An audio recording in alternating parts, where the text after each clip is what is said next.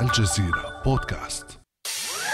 يا سلام صديقي يا سلام يا صاحبي.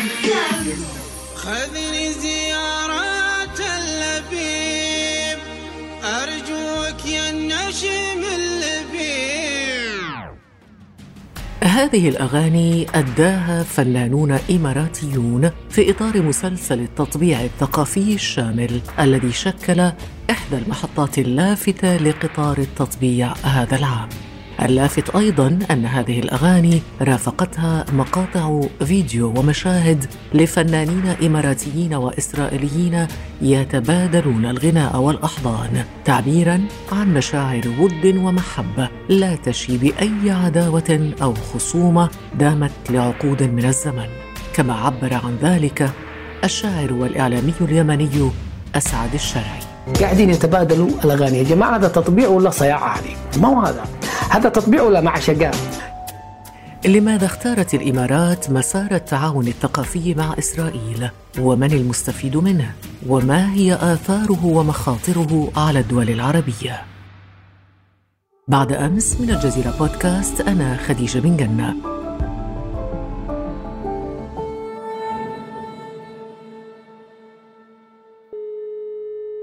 أسعد اليوم بانضمام الدكتور هشام البستاني الشاعر الأردني والناشط في مقاومة التطبيع إلينا في هذه الحلقة من بعد أمس. صباح الخير دكتور هشام. صباح النور.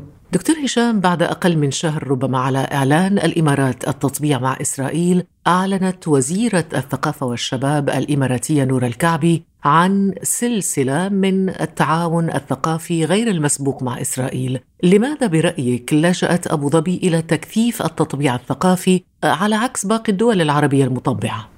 يعني أعتقد أن هناك مسألتين تتعلقان بهذا الموضوع، المسألة الأولى آه، سياق التطبيع نفسه، اليوم سياق التطبيع لا يأتي كما كان يعلن في السابق فيما يتعلق بالتطبيع في الأردن ومصر، يعني استعادة الأراضي، درء أخطار التمدد الصهيوني وما إلى ذلك، اليوم الموجة الجديدة من التطبيع هي في سياق تحالف معلن مع الكيان الصهيوني في مواجهة يعني إعادة تشكل للعلاقات على المستوى الدولي. هذا بالتالي يعني يرتب أن تكون مجموعات الحاكمة فعالة في الترويج للتطبيع ليس فقط على المستوى الرسمي ولكن بناء تحالفات قاعدية شعبية ويعني إظهار التطبيع على أنه خيار جماعي لكل السكان. يعني مثلا النقابات المهنية في الأردن كانت طوال وقتها مناهضة للتطبيع على رأس نقابة الصحفيين. في البحرين اليوم نجد أن نقابة الصحفيين ونقيبة الصحفيين هي التي تروج بشكل أساسي للتطبيع. هذا الجانب الأول. الجانب الثاني أعتقد هو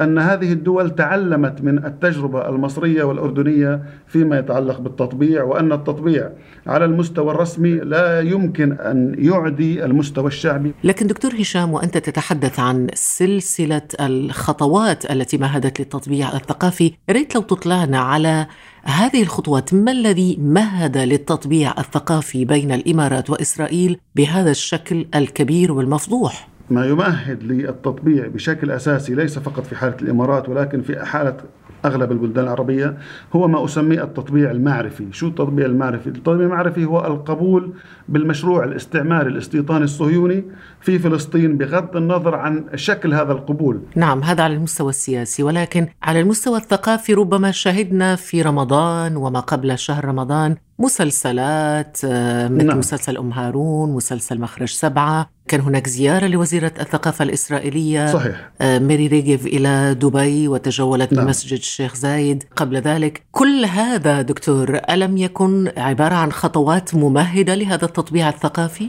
بكل تأكيد، يعني طوال تاريخ العلاقات بين البلدان التي طبعت وبين الكيان الصهيوني ربما لم أسمع عن زيارة لوزيرة الثقافة، نعم هذه خطوة تمهيدية بشكل أساسي للتطبيع على مستوى أعمق. ما تحدثت به حول المسلسلات هو محاولة إدخال فكرة التطبيع والقبول بالتطبيع من خلال يعني برامج تلفزيونية فكاهية. هذا أيضا محاولة لإدخال هذه الفكرة وزرعها على مستوى واسع. يعادل الحديث عن فلسطين تشطب فلسطين من السردية العربية التاريخية ويدخل بدلا منها فكرة هؤلاء الفلسطينيين ناكري الجميل من جهة مقابل إدخال التطبيع كموضوع للنقاش. وهو ما حصل مثلا في مسلسل مخرج سبعة. فيما يتعلق بمسلسل أم هارون لدي وجهة نظر مختلفة عن ما تردد عن هذا الموضوع. نعم هناك جانب تطبيعي يتعلق بكيف عرض تأسيس الكيان الصهيوني وكيف تم الحديث عن هذا التأسيس وعن هذا الكيان.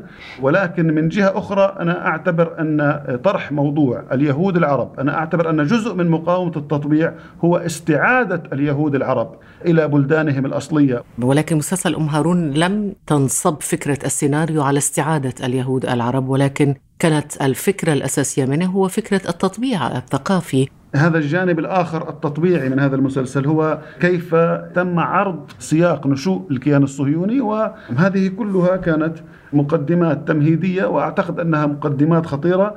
ربما ترافقت أيضا مع سحب بعض المسلسلات. سمعنا عن سحب مسلسل التغريبة الفلسطينية من منصة شاهد تبعت ال MBC إلى آخره.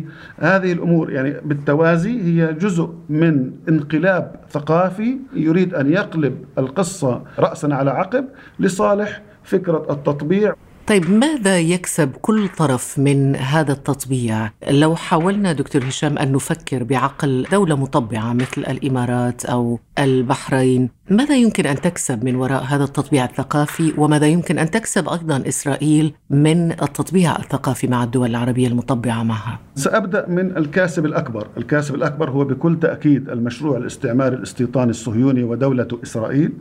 نحن نعرف على مدار التاريخ أن كل مشاريع الاستعمار الاستيطاني مثل تلك التي حصلت في الولايات المتحدة أو في أستراليا يعني يراهن المستعمر على مسألتين. أولا إبادة الشعوب المستعمرة وإلحاقها بالكامل داخل بنى الاستعمار وهذا يحصل يوميا آه، في فلسطين.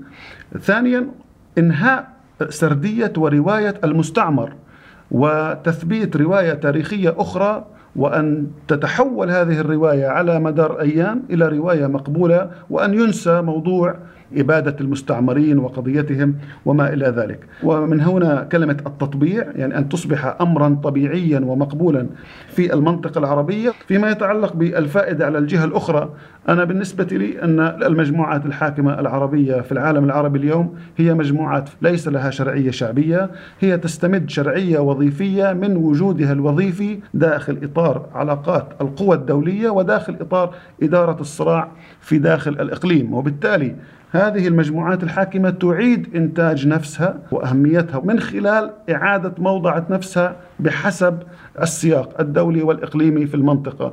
يعني البقاء أعتقد أنه هو الكلمة المفتاحية الأساسية لكل المجموعات الحاكمة العربية في العالم العربي اليوم. يعني تثبيت الأنظمة والحفاظ على الكراسي ولكن دعني أقول لك دكتور هشام أنه بعض المبررات التي يقدمها هؤلاء المطبعون خصوصا لما تدخل إلى ال social media وتشاهد التغريدات والتفاعل على منصات التواصل الاجتماعي، هناك من يقول لك مثلا إنه يعني الفلسطينيون أنفسهم يعني مطبعون ثقافيا وسياسيا واقتصاديا وهناك حفلات خصوصا في داخل الخط الأخضر بين فنانين فلسطينيين وإسرائيليين. ولا يمكن أن نكون ملكيين أكثر من الملك. كيف يمكن الرد على مثل هذه الأقاويل؟ هذه نقطة مهمة وأشكرك على إثارتها، اولا كنت أتحدث في البداية عن موضوع التطبيع المعرفي.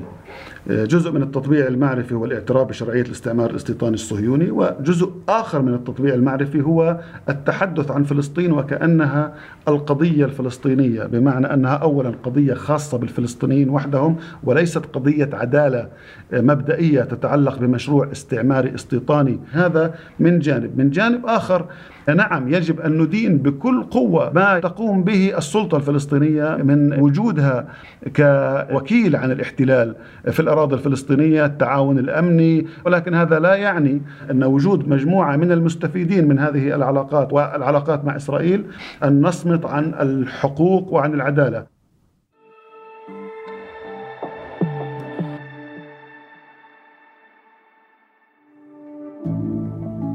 على تواصل مستمر مع الجزيرة بودكاست ولا تنسى تفعيل زر الاشتراك الموجود في تطبيقك لتصلك الحلقات يومياً.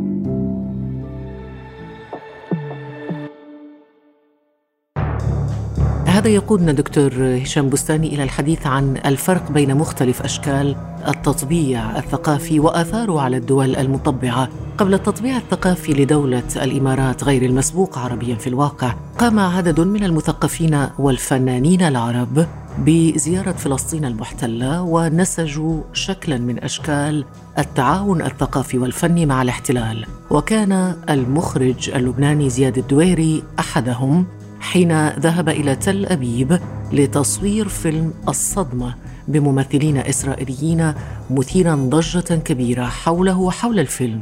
زياد دويري أرجع الأمر إلى الضرورة الفنية التي تفوق كل اعتبار بنظره.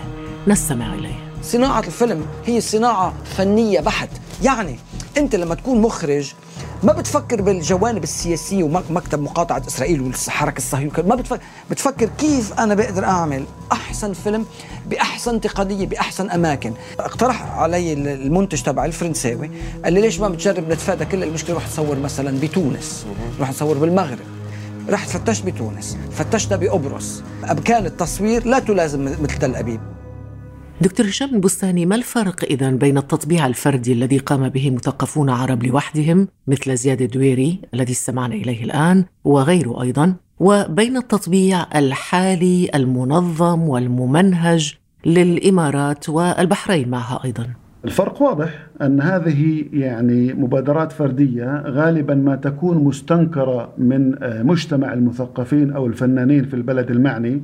آه، يعني هناك حملات استنكرت بشدة في لبنان ما قام به زياد الدويري وسأعود إلى أعذاره بشكل أساسي هي يعني ساذجة وربما تكون مضحكة. في الأردن هناك بعض الفرق الفنية مثل أوتوستراد التي ذهبت لتقيم حفلات في حيفا وغيرها من المدن العربية بأخذ فيزا من الكيان الصهيوني وغيرها. هذه كلها تم استنكارها وإدانتها والمواقف التجمعات الثقافية مثل روابط الكتاب والفنانين واضحة. إضافة إلى أن مثلا وزارة الثقافة في الأردن لا تقوم على الإطلاق بأي دور تطبيعي بل بالعكس ربما نجدها متحفظة كثيرا في هذا الملف وموقفها أقرب إلى موقف المثقفين بالمجمل. على العكس من ذلك عندما تقوم الدولة بقيادة ملف التطبيع الثقافي نجد أن هناك من يريد أن يلتحق بهذا الركب. لأن الدولة هي التي تصنع المشهد. فبالتالي نجد أنها ستلحق معها عددا كبيرا من الكتاب والمثقفين والفنانين وستطبع المشهد كاملا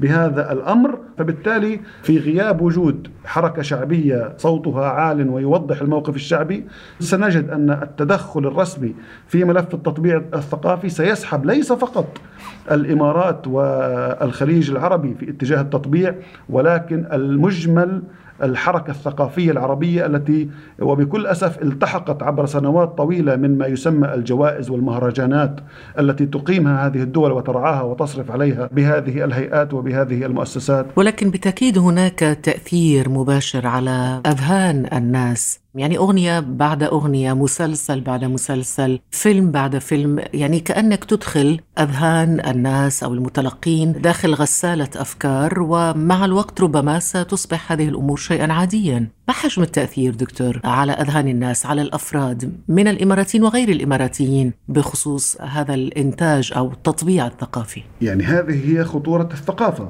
أنها أولا تصيغ خطابا وتصيغ سردية جديدة. هذا من جهة ومن جهة ثانية أنها تتعامل مع مجمل الناس وتؤثر ليس فقط في وعيهم المباشر ولكن في وعيهم العميق. يعني نحن نعرف أن الثقافة والإبداع ومجمل المنتجات الإبداعية لا تعمل على المستوى السطحي اليومي ولكن تعمل على المستوى المعرفي والتخيلي العميق. خصوصا إن ترافقت مع إعادة إنتاج سردية جديدة للكيان الصهيوني في المنطقة والطمس على الرواية الفلسطينية الأصلية آه، سنجد أنها ستحدث تأثيرات على المدى الطويل. سوف تحدث تغييرات عميقة تغير من شكل التعاطي مع هذه القضية. نعم وربما تكسر دكتور الحواجز النفسية وتكسر أيضا يعني حركات المقاومة الثقافية والحضارية التي تشهدها الدول العربية طبعا فيما يتعلق بالتطبيع الثقافي. يعني بكل تأكيد. يعني على الأقل نفسيا يصبح المشاهد أو المستمع مستعدا نفسيا لتقبل هذه المادة. مئة في المئة ويعني أيضا ما تحدثت به حول تحويل فكرة مقاومة التطبيع إلى فكرة بين مزدوجين عبثية أو غير واقعية أو غير منطقية. نحن ما زلنا نقاوم التطبيع أو نواجه المشروع الاستعماري الاستيطاني الصهيوني. صرنا نحس مع هذه الموجة ومع هذا الصمت إن أردت مضافا إليه ما نراه على وسائل الإعلام من احتفاء شعبي بين مزدوجين كلمة شعبي لأنه لا أعتقد أن هؤلاء في الإمارات أو البحرين أو غيرهم من أصوات عالية شعبية تمثل التوجهات الشعبية المباشرة. وحتى أن مراكز استطلاعات الرأي ومنها المركز العربي للدراسات الذي أخرج مؤخرا استطلاعا للرأي يشير إلى أن مجمل الشعوب العربية وفي أغلبها يعني حتى في بعض الدول مئة في المئة من الشعب مثل الجزائر يرفض التطبيع مع الكيان الصهيوني ولكن ما نراه على الإعلام ومن خلال المنابر الثقافية. جزء أيضا من آه، موضوع كسر الحاجز النفسي الذي تحدثت عنه وتعتقد أنه بدأ فعلا ينكسر هذا الحاجز؟ آه، لا أعتقد ذلك لأنه على مدار سنوات طويلة جدا من اتفاقيات مثل كام ديفيد مع مصر ووادي عربة مع الأردن لم يخترق التطبيع على الإطلاق المستوى الشعبي. كان دائما المطبعون أناس هامشيون منبوذون يتم استنكار أفعالهم. التبادل التجاري كان يتم بالسر. نحن الآن لسنا فقط نشاهد اتفاقيات سلام نحن نشاهد قيادات في الأعمال وال business يخرجون علينا ويقولون سنقيم المشاريع وليس فقط نقيم المشاريع أريد أن تجتمع والدتي مع والدة المستعمر الصهيوني Well, uh, everybody's talking about, you know, how can we do business with Israel? And I say, no, I'm not interested in business. Can we meet each other first? Like, can our kids meet your kids? Come to my mother's house. You don't need anything else except to see my mother. And I'm sure the same with, with his mother. So I'm, I'm quite keen on this family reunion. هذا يعني كان آخر أعتقد شريط سمعته من أحد رجال الأعمال في دبي. بكل أسف الثقافة في العالم العربي هي ملحق في المجموعات الحاكمة وفي كياناتها الوظيفية. وبكل أسف المثقف كشخص يعتقد أنه نخبوي ويريد أن يغير مجتمعه هو بشكل مستمر يلحق نفسه بالسلطة. لو أخذنا مثال مصر وكيف أوقفت نقابة المهن التمثيلية عضوية الفنان محمد رمضان بسبب ظهوره في صور وفيديوهات مع بعض الإسرائيليين في دبي؟ يعني هذا موقف يعني جميل من نقابة المهن التمثيلية وهذا دليل على أنه بعد عقود من الزمن ما زال التطبيع الثقافي أو حتى لو صورة لممثل أو فنان مع إسرائيلي تعتبر جريمة في نظر هذه النقابات. وفي نظر الشعب المصري طبعا. كلام صحيح هذا ينطبق زي ما تحدثنا عن الأردن ومصر وبعض البلدان التي ما زال أو يسمح للحركة الشعبية بالتعبير عن نفسها بأشكال آه، في بعض الأحيان قد تكون محدودة أو تختلف في محدوديتها ولكن في بلدان مثل الإمارات حيث لا وجود لمعارضة شعبية يعني آه، قد تستطيع أن تعبر عن نفسها سيأخذ هذا منحا آخر. أيضا حجم الاستثمار الذي قامت به دول مثل الإمارات وقطر والسعودية في الثقافة العربية بعدة اتجاهات سواء من حيث الجوائز أو من حيث المؤتمرات أو من حيث رعاية الكتاب والأدباء أو من حيث الصحافة والإعلام. أمر يعني يوفر أدوات جذرية للتعامل مع هذا المنتج. يعني اليوم نجد أن هناك الكثير من الكتاب مثلا يتحفظون عن انتقاد مثل هذه الأمور حتى لا تذهب عليهم فرصة أن يأخذوا جائزة ما أو أن يدعوا إلى مؤتمر. ولكن أعود للنقطة الأساسية رغم كل ذلك العدالة لا أعتقد أنها متجذرة في الفهم العام الشعبي للناس ولا أعتقد أنه ستتمكن مثل هذه التوجهات من التأثير على الأقل على المستوى القريب نعم ولا حتى الانتشار والتمدد إلى دول عربية أخرى مطبعة مثل السودان مثل المغرب هل ستسير على نفس النهج برأيك؟ على الأغلب لأنه لا يوجد لديها ذريعة مباشرة مثل ما كان للأردن ومصر في عقد اتفاقيات تطبيعية أو اتفاقيات ما يسمى بالسلام مع الكيان الصهيوني. الدول هذه المغرب السودان البحرين الإمارات وربما طبعا أكيد ستلحقها دول أخرى عديدة هذه لا يوجد لديها مثل هذه الذرائع. وبالتالي هي تتذرع بمصالحها المباشرة وتريد أن تروج على أن التطبيع مع الكيان الصهيوني هو مصلحة ذاتية لذات البلد ولشعبه. ومن هنا منبع الخطورة والفرق بين أشكال التطبيع هذه المختلفة ما بين التطبيع السابق والموجة الجديدة. وما سبل مواجهة هذا التطبيع الثقافي دكتور؟ أعتقد أن السبيل الرئيسي هو الذي تحدثت عنه في البداية. مواجهة التطبيع المعرفي من خلال إعادة تعريف الموضوع الفلسطيني بأنه ليس قضية فلسطينية بل هو قضية استعمار استيطاني صهيوني. باية أدوات؟ لا يوجد أدوات أمامنا اليوم إلا الأدوات الشعبية، يعني لا يمكن المراهنة آه، بكل أسف على مجموعات حاكمة في كيانات وظيفية في العالم العربي، نحن نرى كيف تقمع شعوبها قبل أن تذهب للهرولة مع مشاريع ظلم وعدوان مثل المشروع الصهيوني، أنا أعتبر أن إعادة بناء يعني زي ما نحكي جبهة عربية شعبية سواء من حيث الكتاب والمثقفين الرافضين لهذا الاتجاه أو المجموعات الشعبية الموجودة على الأرض مثل حركات مقاومة التطبيع. هذه التي ستستمر في العمل مثل ما عملت في الأردن مثل ما عملت في مصر. نستطيع بهذه التحركات الشعبية أن نواجه التطبيع. شكرا جزيلا لك دكتور هشام البستاني الشاعر الأردني. والناشط في مقاومة التطبيع على هذه الإفادة الجميلة في موضوع مقاومة التطبيع الثقافي مع إسرائيل. ألف شكر لك دكتور. شكرا أستاذة خديجة. بارك الله فيك. كان هذا بعد أمس.